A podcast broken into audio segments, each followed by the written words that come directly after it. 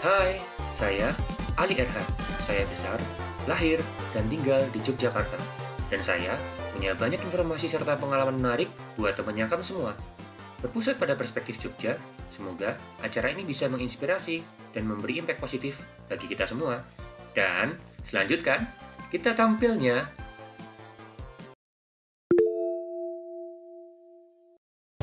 Halo, selamat datang kembali di podcast temen Nyangkem. Kali ini agak sedikit berbeda.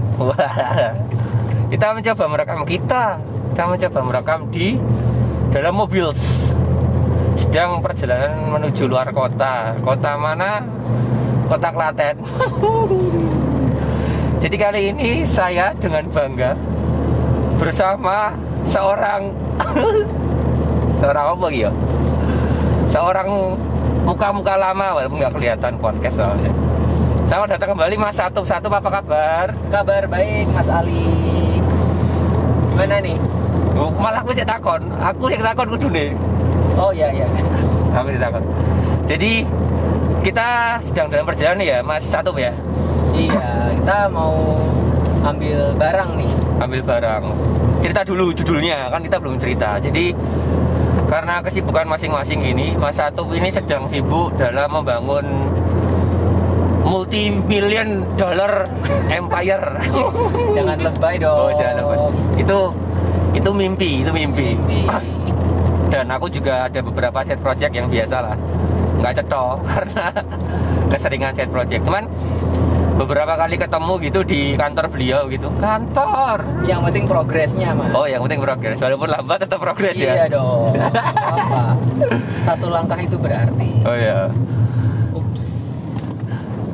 Terus apa namanya kemarin ngobrol-ngobrol itu sampai jadi ceritanya gini. Mas satu satu ini adalah seorang entrepreneur atau wirausaha salah satunya ya luar biasa. Dalam hal sepeda. Dalam hal sepeda dan kemarin ceritanya lucu sama beberapa temen kuliah gitu kita nyepeda bareng.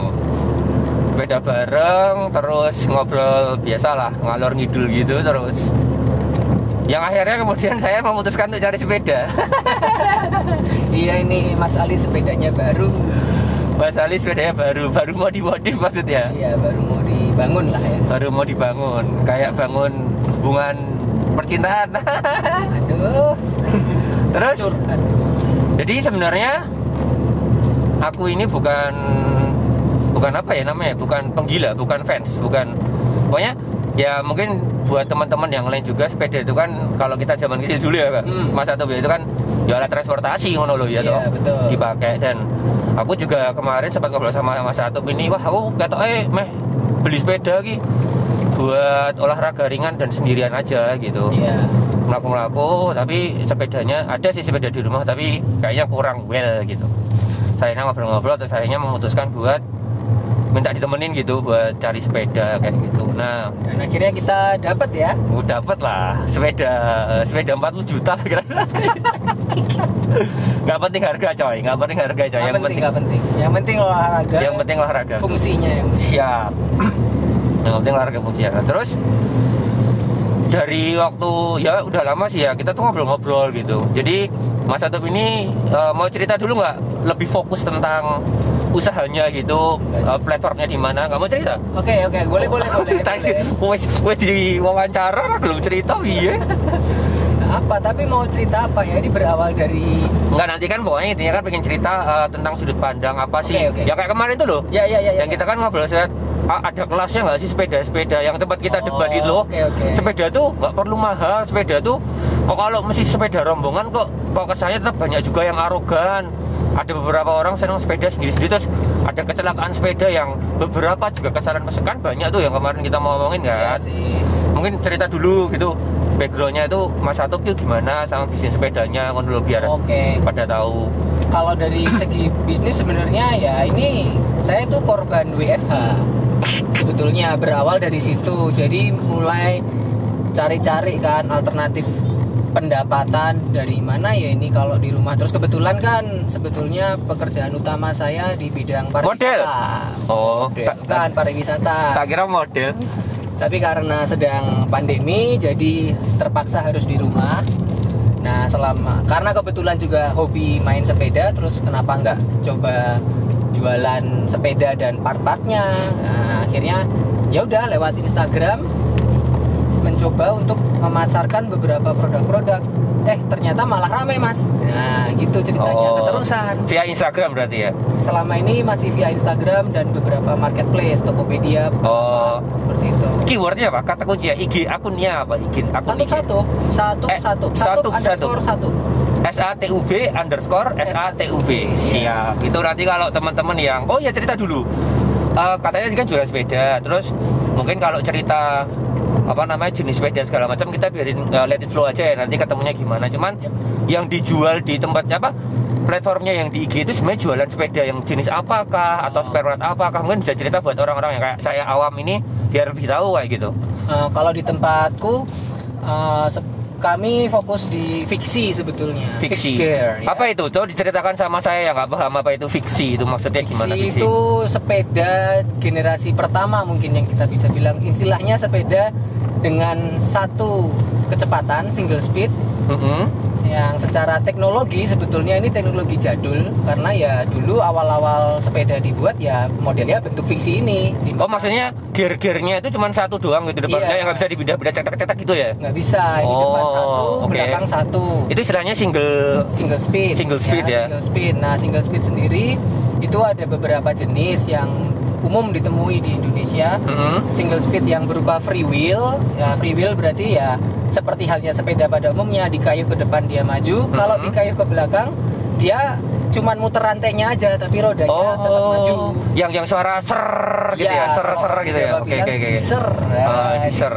Last geezer. yang single speed free wheel nah terus yang golongan kedua yang biasa orang-orang sebut doll trap nah Mhm. ini sebetulnya gear mati Oke. Nah, inilah yang disebut sepeda fix atau fixed gear. Jadi Oh, fiksi itu definisinya dari yang model doll trap sebetulnya itu. Jadi itu gimana nanti? Kalau yang tadi kan kalau dikayuh maju-maju, kalau di dilepasin mundur dia ngeser. Itu yang free wheel. Oh, yang kan yang dual trap tadi ini Kalau doll trap ini kalau kita kayuh pedalnya maju dia maju, kalau kita kayuh pedalnya ke belakang ya dia jalan ke belakang sepedanya. Oh, berarti kalau kita bisa nyetir ke belakang, sebenarnya kita bisa jalan ke Bisa, belakang dong. bisa. Oh, iya iya iya, seru juga. Buat yang suka freestyle ya mereka pasti pakai model doll trap seperti ini karena kan Hmm. banyak aliran-aliran sepeda freestyle juga. Oke oke oke, doll trap ya. Nah, bahasa Belanda trap. kayaknya ya. Oh, Iya dari kata door trap atau saya lupa sih. Iya iya iya. iya. Oke oke, terus? Nah, lalu selanjutnya ada juga modifikasinya doll trap itu namanya torpedo kalau di Indonesia atau Oke. coaster. Oke. Nah, di situ ceritanya kalau kita kayuh ke depan, maka Mhm. sepedanya maju seperti biasa. Cuman kalau kita kayuh ke belakang, dia akan berfungsi sebagai rem, Kayak gitu kayak ngunci gitu ya. kayak kunci. Yang, Oh. yang as belakangnya itu dia akan Gear belakangnya itu ah, ngunci ya. akan berhenti sebagai Oh. rem. Jadi ini relatif lebih ringan untuk berhenti jika dibandingkan dengan yang doll trap tadi. Betul betul karena dia ngikutin kaki, apa kakinya putar terus gitu ya ibarat Kalau kata ya. ngikutin kaki terus. Hmm. Kalau yang torpedo ini dia bisa diser kalau kita main di tengah. Jadi uh, nggak dikayuh ke belakang tapi juga nggak dikayuh ke Oh, depan. paham, Nah, dia masih bisa diser istilahnya. Oh, iya, Tapi iya, kalau iya. kita tekan ke belakang sedikit dia akan ngerem. Oh, jadi kayak in between gitu ya. Ya, ini di between. antara oke oke oke. Tiga inilah yang paling umum untuk single speed di Indonesia. Oke. Ada lagi single speed yang modelnya pakai elektrik, ada lagi yang pakai inner. Elektrik tuh piye? Kok ada elektrik? Ada, jadi udah pakai listrik mas. Loh berarti nggak usah dikayu kayak motor berarti no? Oh yoi, namanya sepeda listrik. Oh, berarti kalau kalau yang di satu satu underscore satu tadi itu memang fokus ke sepeda dan segala macam pernak pernik yang berhubungan dengan sepeda single speed ini berarti ya. Ya, so far, So far sampai saat ini. situ karena Oke. kenapa yang dipilih single speed atau fiksi? ya karena itu adalah sepeda yang paling simpel sebetulnya. Oke. Karena sebenarnya saya nggak ahli-ahli banget sama sepeda. Oke. Tapi saya juga orangnya kan nggak mau ribet. Saya suka yang paling gampang perawatannya, terus yang istilahnya dari harga juga nggak mahal mas. Oh. Nah, fiksi ini kan karena partnya itu nggak banyak, otomatis relatif lebih murah. Terus perawatannya juga mudah. Hmm, itu ada eh, tadi kan saya juga udah ngomong kan kalau maksudnya sepeda itu kayak main sentimen menurutku ya sekarang ya orang-orang naik sepeda itu karena ya aku ada cerita gitu loh ada teman yang diban naik bahasa Jerman itu direwangi numpaki mo, mo- apa sepeda di mobil Hmm. Terus nyepedanya cuma 20 menit. Foto-foto nongkrong-nongkrong ngopi-ngopi. Nanti sepeda lagi 20 menit kurang naik mobil itu. Jadi cuman kebanyakan sih menurutku ya itu dia main sentimen nggak pure olahraga gitu. Paling cuma beberapa persen yang mau olahraga. Atau ada juga yang apa namanya cari komunitas buat olahraga ringan. Karena kan ya mungkin kesibukan kesibukan se- sekarang ini kayak gitu. Cuman dari Mas Satu sendiri tuh apa sih yang me- mungkin ada kenangan apa gitu dulu? Apakah pernah pakai fiksi sebelumnya atau apa gitu ceritanya? Kok bisa sampai di khusus Kalau- sepeda fiksi. menyambung dari yang ada orang cuman sepedaan sebentar atau lama touring bahkan seharian sebenarnya itu nggak ada yang salah ya. Karena Oke. kan, uh, kembali lagi ke kebutuhan. Bersepeda sendiri selain olahraga ada juga yang berfungsi sebagai alat transportasi. Misalnya kayak saya dulu kalau kayak ke tempat kerja ya saya naik sepeda. Selain menghemat biaya transportasi nah, jaraknya juga masih terjangkau Hmm. kecuali kamu kerja 10 km lebih lah mungkin capek ya Hmm. kalau cuma 2-3 kilo ya nggak masalah banget naik sepeda masih seger Terus ada Hmm. juga orang yang uh, menggunakan sepeda itu fungsinya untuk sosialisasi. Oke. Ini juga nggak salah. Kenapa ya? Karena memang uh, perkembangan zaman sekarang kalau misalnya kita mau cari relasi ya bisa di mana aja. Oh iya betul betul betul. Satu hobi bisa jadi ketemu rekan. Apalagi baru. sepeda yang Brompton puluhan juta itu ya, itu kan berarti relasi Oh, ya. iya, relasi. Teman-teman. bisa jadi. Jadi bukannya saya mau mengkelas-kelaskan, tapi Hmm. memang pada kenyataannya sepeda sudah menjadi gaya hidup. Nah, di situ kadang komunitas-komunitas itu nanti saling tukar pikiran, malah biasanya jadi partner kerja. Kita nggak Hmm. pernah tahu ketemu jodoh, nah, kita nggak pernah tahu. Oh iya juga ya. Nah, ini kan cuman untuk Ya, yang banyak cewek-cewek cakep apa di fiksi bukan? Ah, fiksi ada, cuman ya yang lebih banyak sepeda lipat mungkin. Mas. Oh, Sally. Kalau sekarang, iya. Ah, saya pakai Sally kayak beruang nanti malahan. Nah, kemarin udah nyoba mini velo kan? Oh sudah, tapi kan ini ceritanya kita lagi mau ngebahas fiksi gitu. Oke. Terus berarti udah fokus ke single speed tadi ya, Yap. fiksi salah satunya. Kemudian, nah yang di yang di platform berarti kan tadi main platformnya di Instagram ya. Iya. Jualin sepeda, habis itu part-part apa aja sih yang sampai saat ini masih sering dijual di Oh, iya. IG? Uh, s- awalnya kan memang saya jualan sepeda karena saya ngerakit. Saya Oh, rakit. orang itu maksudnya beli sendiri bannya sendiri, Iya, badannya jadi sendiri gitu. ya? untuk sepeda fiksi memang sekarang-sekarang ini kan susah untuk cari full bike yang sudah utuh di Oke. toko.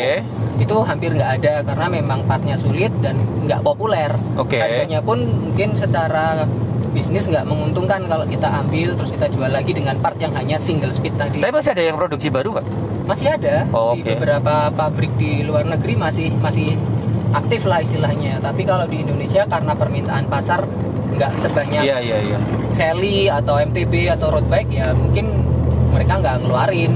Nah dari situ berarti kan ini peluang ya istilahnya. Oh Oke oke. peluang. Memang pasarnya sedikit tapi kalau pasar sedikit kita coba bantu atau kita coba masuk ke sana ya mungkin bisa main. Nah, ternyata oh kebutuhannya masih banyak. Yang butuh part lah, yang butuh sepeda. Akhirnya aku kemarin berawal dari bikin-bikin sepeda fiksi. Aku rakit dari barang second bekas-bekas gitu. Saya restorasi lah istilahnya. Terus jual lagi di Instagram. Nah dari situ berkembang. Eh ternyata ada yang butuh part-partnya doang. Akhirnya browsing-browsing, nemu teman komunitas juga tuker-tukeran barang. Akhirnya jualan di Instagram itu. Sekarang-sekarang malah sistem titip jual nih yang lagi rame mas. Maksudnya titip jual itu gimana? Jadi udah orang lain, Mas, saya mau titip jualan sepeda di tempat Mas bisa nggak? Nah, Di gitu. masukin di Instagramnya satu-satu gitu. Iya gitu kan. Berarti kayak marketplace dong. Marketplace. jadi malah kayak marketplace. Jadi malah bukan barang saya yang saya jual, ini barang orang. Oh. Saya cuma malah jadi kayak admin. Nah, cuman di sini eh, kenapa kok yang dibeli satu-satu? Mungkin ya karena tempatku gratis kali ya. Jadinya Oh ya bisa juga ya. Tapi tapi sistem buat informasi para pendengar gitu, karena kan aku tahu aku tahu IG-nya satu-satu ini mulai dari followernya berapa ya? Mungkin ratusan 200. kali ya, 200 atau 300 gitu kan. Terus mungkin ya udah lumayan sih sebulan dua bulan gitu. Tapi sekarang followernya udah berapa? 3 juta. 3000 3000 3000 cuman menurutku jadi kan ya aku follow dalam sebulan itu. Iya, dalam sebulan dia udah jadi 3000 dan aku kan juga nge-follow ya walaupun aku jarang jarang buka Instagram itu kalau pas buka juga sering ke apa timelineku ada di tem- ada IG dia kan. Nah, yang seru itu pertama aku nggak ahli sepeda. Cuman setiap kali aku ngeliat ngepostingan dia itu kayak engagementnya, engagement itu apa bahasa Indonesia ya? Kayak Terikatan. Mm-mm, ada ada setiap orang yang mau komentar tuh kayak bener-bener jadi kayak bukan bot gitu ya bener-bener ngobrol di setiap postingan dia nanya sharing terus kayak jadi diskusi jadi mungkin karena karena itu jadi malah cepet rame ya nggak sih Iya mas benar-benar. Kalau menurut saya ya karena karena aku nggak pure jualan gitu li jadi ya ya di sini ada yang tanya kalau aku ngerti ya aku jawab kadang aku yang tanya mereka yang jawab gitu karena aku nggak semuanya juga ngerti nah dari situ mungkin karena mungkin orang ngelihat oh bisa diskusi nih di sini jadi malah rame nah kebetulan juga aku bisa titip jual titip jual pun awalnya aku nggak nggak berpikir ini buat apaan ngapain aku capek-capek tapi ternyata oh ya dari sini akan terbentuk pertemanan mungkin itulah Iya. yang yang yang bikin aku juga mau terus ya udahlah nggak apa titip jual kayak gini toh aku tambah teman Iya iya iya betul. dan kalau misalnya aku berposisi sebagai penjual keuntungannya dari titip jual adalah aku bakal tahu barang yang mau dijual pertama kali kan Iya, Karena iya, mereka betul. akan nawarin ke aku dulu eh kalau Betul. misalnya itu part yang aku cari ya malah udahlah aku beli aja gitu buat Iya. sepeda yang akan aku rakit Hmm. Jadi jadi memang aku sama satu ini sering ngobrol ya di luar di luar ini juga ya di luar masa sepeda ini terus kita sampai ketemu masalah market share gitu kemudian gimana sih pel- perilaku perilaku pelanggan gitu ya customer Betul. behavior kayak gitu. Sampai kesimpulan bahwa menurutku ya waktu itu aku ngobrol sama satu itu aku bilang bahwa eh, punya satu niche gitu satu satu kan fokusnya di orang-orang yang suka sepeda fiksi kan. Ya. Dan katanya itu nggak terlalu populer maksudnya nggak terlalu banyak dibandingkan mungkin MTB atau road bike atau sepeda Iya, lipat kayak gitu. Dan aku aku bilang ke satu kayak gini misalnya pun cuman 10% aja katakan dari seluruh di Jogja ya seluruh komunitas Jogja. Tapi menurutku orang-orangnya bakal lebih terikat karena rare gitu kayak Iya. kayak emas gitu kan emas makin makin makin langka kan makin mahal. Jadi benar-benar pertemanan itu kelihatan di di Instagrammu itu. Jadi kan pernah tuh ada cerita katanya waktu dirimu apa? Ngantri di toko offline terus yang ngomongin satu-satu tuh ceritanya gimana? Yang di Instagram itu? oh iya waktu itu pernah ke toko sepeda di Jogja. Hmm. saya lagi cari part ceritanya. Terus antri kan karena sudah pandemik dan lagi sekarang kan lagi tinggi tingginya nih permintaan sepeda. Jadi masuk toko sepeda pun disuruh antri nah waktu itu lagi sama-sama nunggu ternyata dua orang di depanku ini kayaknya juga lagi nyari part sambil browsing dulu. Mungkin cek harga kali ya di pasaran. Hmm, hmm. sambil nyari barangnya yang mau dia cari. Nah ternyata mereka nyeletuk nih. Eh ini kalau barang yang ini kayaknya ini aku nemu nih di IG-nya satu-satu nih dia bilang gitu. Nah padahal aku ada di belakangnya. Nah, rasanya kayak oh udah ada tahu, artis berarti. berasa artis. Bukan berasa artis. Berasa artis. Ya mungkin apa yang aku lakukan bisa memba- membantu kan istilahnya nggak iya, iya. mereka jadi oh ini lokasinya Jogja juga ini sih. Satu-satu nih langsung di kontak aja di kontak aja. Iya, iya, iya. daripada ngantri di toko offline ya. Jadi waktu itu aku jadi semangatnya ya oh berarti berarti ada gunanya juga nih aku bikin-bikin begini gitu loh. Kemarin kan cuma hobi buat diri sendiri. Iya iya iya. Terus buat ya buat ngelengkapin barang-barang yang aku rakit. Kadang kan kalau beli satu ongkirnya mahal kan kalau barang-barang besi berat-berat begini mas. Nah, Betul, kadang betul. aku beli ya langsung 5 langsung 10 nanti jual lagi aja paling nggak aku bisa dapat untung dari free ongkir istilahnya begitu iya iya iya Eh, tapi ternyata malah oh ya kalau kayak gini juga bisa bantu teman-teman yang ada di Jogja khususnya dan mungkin di daerah karena kayak kota-kota seperti Kudus, Kendal itu mungkin nggak sebanyak kalau di Jogja. Jadi Oh. privilege juga buat yang tinggal di Jogja sebenarnya. Kita Betul. banyak toko sepeda. Tapi teman-teman mungkin di kota lain nggak sebanyak di Jogja atau Jakarta atau Surabaya. Jadi ya di sini IG-nya itu berfungsi untuk memfasilitasi mereka. Oh iya iya. Jadi memang ya seru juga ya, Mas ya. Bisa ketemu sama orang yang terus kayak ngomongin kita tapi ada kita di situ gitu Ah, kayak itu- rasanya itu gimana gitu. Aneh sih tapi ya. Tapi ya habis itu aku nggak yang eh aku satu-satu enggak. Oh, Kayak enggak. diem aja. Enggak enggak ada yang tahu gitu maksudnya. nggak bakat jadi artis ini. Hmm. Terus eh, sebenarnya misinya sendiri gitu ada nggak sih gitu? Ya nggak tahu ya. Mesti ya jelas kalau orang jualan tuh pengen dapat profit pasti gitu kan. Betul. Cuman seru juga bilang ternyata dulu ada kenangan naik sepeda. Kayak denger-denger pernah jadi loper koran juga jadi pakai Oh, iya. sepeda itu.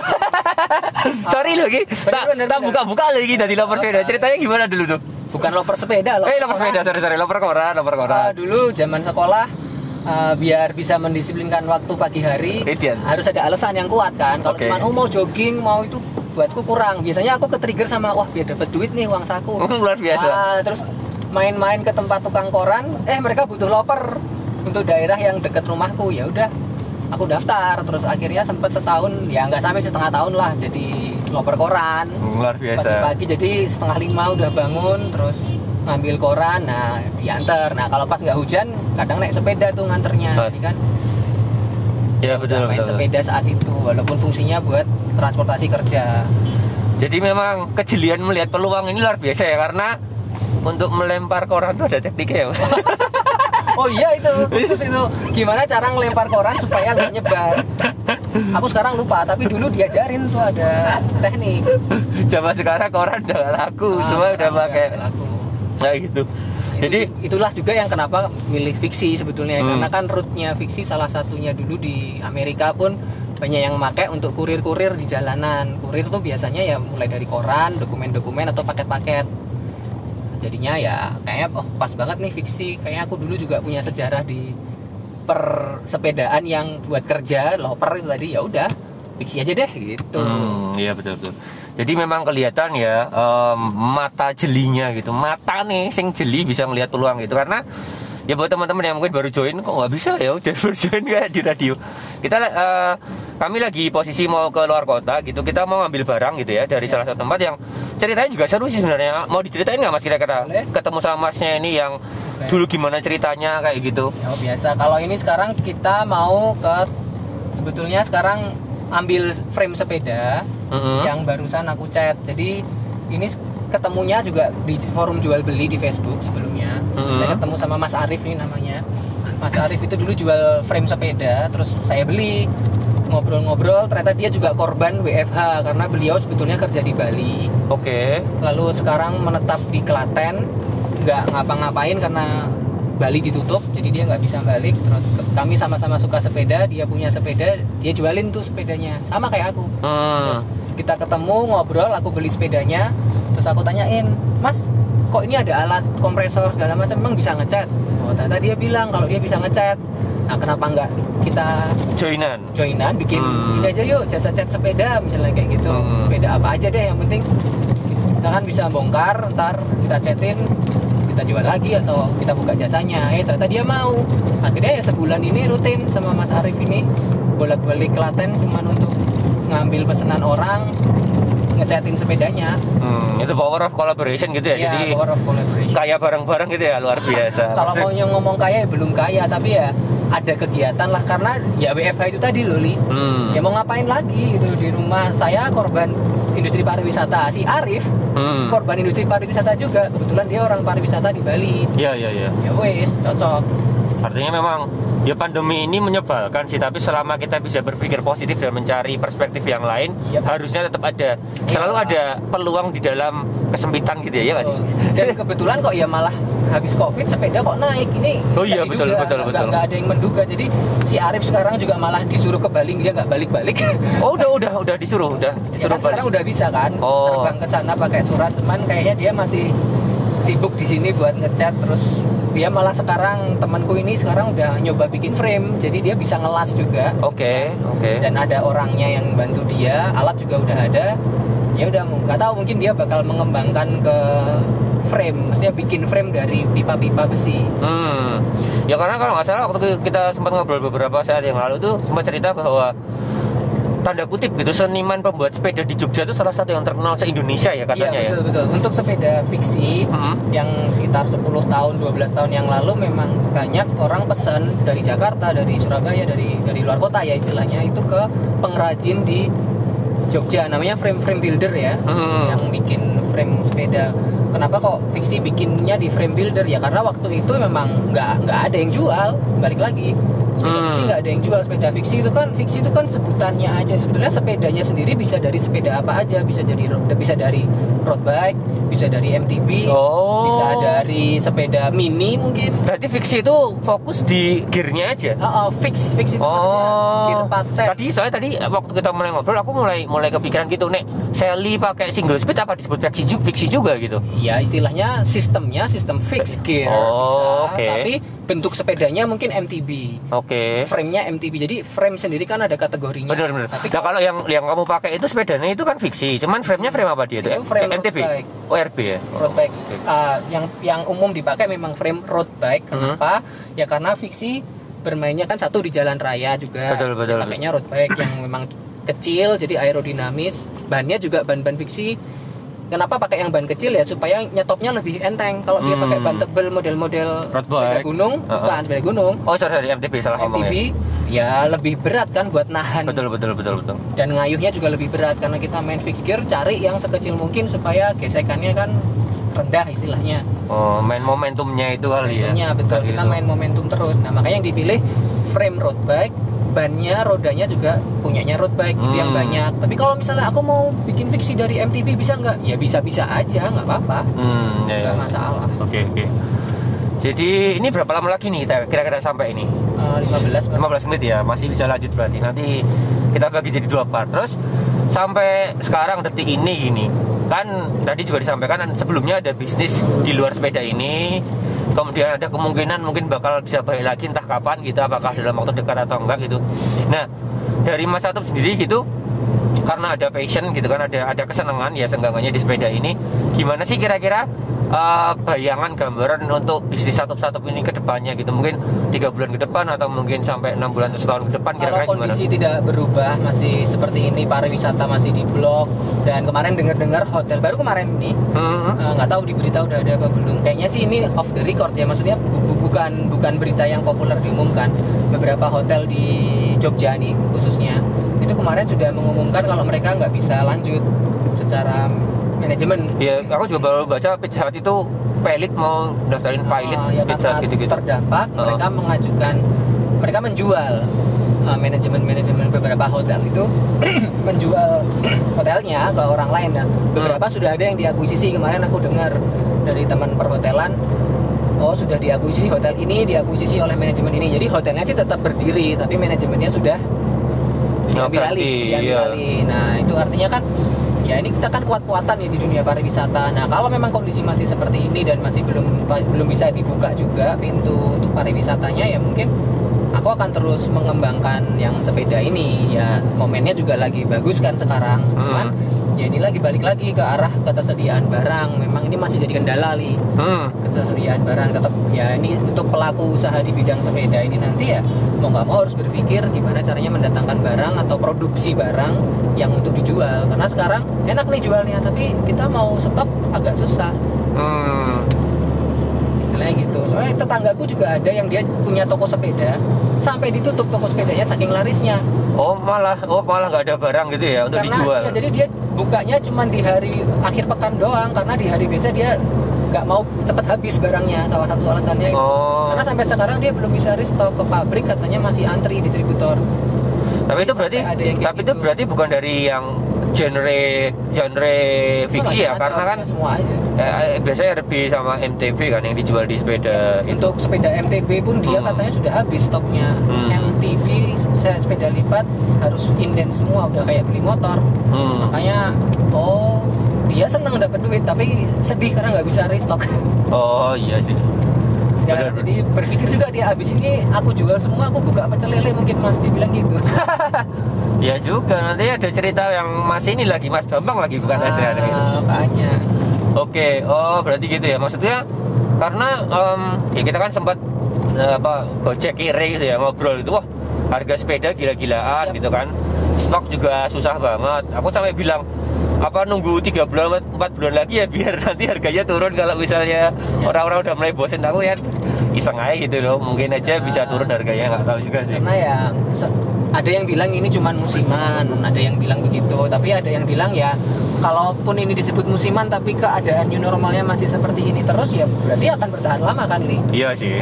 Kita kan yang hal-hal yang nggak terduga ini yang sebenarnya nggak bisa diukur. Nah, makanya harus selalu jeli buat ngelihat keadaan. Itu aja sih kalau kalau dari sudut pandang orang mau jualan ya. Hmm. cuman ya jangan jangan ambil untung aji mumpung juga. Soalnya kan sekarang enak banget sebenarnya kalau kita mau Oh, iya. segala macam. Betul. ada yang nimbun juga nah ini kalau kalau aku nggak tahu di di genre sepeda yang lain. Kalau di fiksi kebetulan komunitasnya mereka kuat-kuat jadi sudah ada beberapa tempat untuk jualan yang khusus fiksi. Nah di situ kita udah bisa compare harga dan harga akan terbentuk sendiri dari penjual sama pembeli. Masih enak sih. Agak lebih fair lah ya. Agak lebih fair. Hmm. kalau dirasa kemahalan ya udah nggak usah dibeli gitu Hmm. aja. Nanti teman-teman yang lain pasti coba bantu gitu. Hmm. Karena karena kalau menurutku ya melihat ya kita sering sharing sebelumnya gitu terus tentang model bisnisnya satu-satu ini. Itu aku pikiran memang nggak usah maksa pertama memang market share-nya nggak sebanyak yang lain ya RB Ya. atau MTB itu malah aku kepikiran kayak kayak ini loh top kayak kayak motor-motor antik mobil-mobil antik. Jadi memang eh, dikuatkan di komunitasnya untuk nanti putar-putar di situ aja. Nanti uangnya diputar-putar di situ aja. Apa kekuatan ekonominya itu diputar di situ-situ aja kayak gitu. Karena ya mau expand kan juga orang ini apa supporternya nggak terlalu banyak itu kan nah, yang peminatnya nggak terlalu banyak kayak gitu. Tapi memang kalau ke depannya selain jadi jadi ini apa namanya jadi marketplace gitu tanda kutip sama jualan mau ada niat lain nggak? Mau seperti apa bentuknya satu-satu di Instagram ini? Oh, kalau yang di Instagram ya akan tetap seperti ini, cuman pengembangan ke depannya malah antara lain di offline-nya malah. oh, offline-nya. Di offline-nya mungkin bikin workshop atau Oh, oke. semacam bukan bengkel sih ya, lebih ke workshop untuk untuk bukan buat kumpul juga, tapi buat paling enggak kalau ada orang nyari, aku punya tempat dan orang bisa lihat karena oh karena ya buka bengkel berarti bu- buka, buka kayak toko malah. Buka, iya, toko ya. Toko kalau bengkel udah banyak sih bengkel di Oke Jogja. oke. Oke karena ini udah mau nyampe, mungkin jadi part pertama dulu aja ya. Nanti mungkin kita bakal cerita tuh tentang satu gitu. Mungkin seperti apa sih bentuknya toko offline-nya dari satu-satu ini sama yang kedua yang sebenarnya dari tadi pengen ngobrol itu adalah tentang gimana sih perilaku pesepeda gitu dari Oke. dari pandangan seorang yang ahli sepeda seperti Oh, Mas ahli. ini kan dan saya yang betul-betul awam. Jadi terima kasih udah dengerin di temen nyangkem. Nanti ketemu lagi. Mudah-mudahan bisa ketemu lagi dengan satu-satu di perjumpaan berikutnya. Salam dulu. Terima kasih dengerin ya Mas Atop ya. Terima kasih. Terima kasih udah dengerin. Sampai ketemu.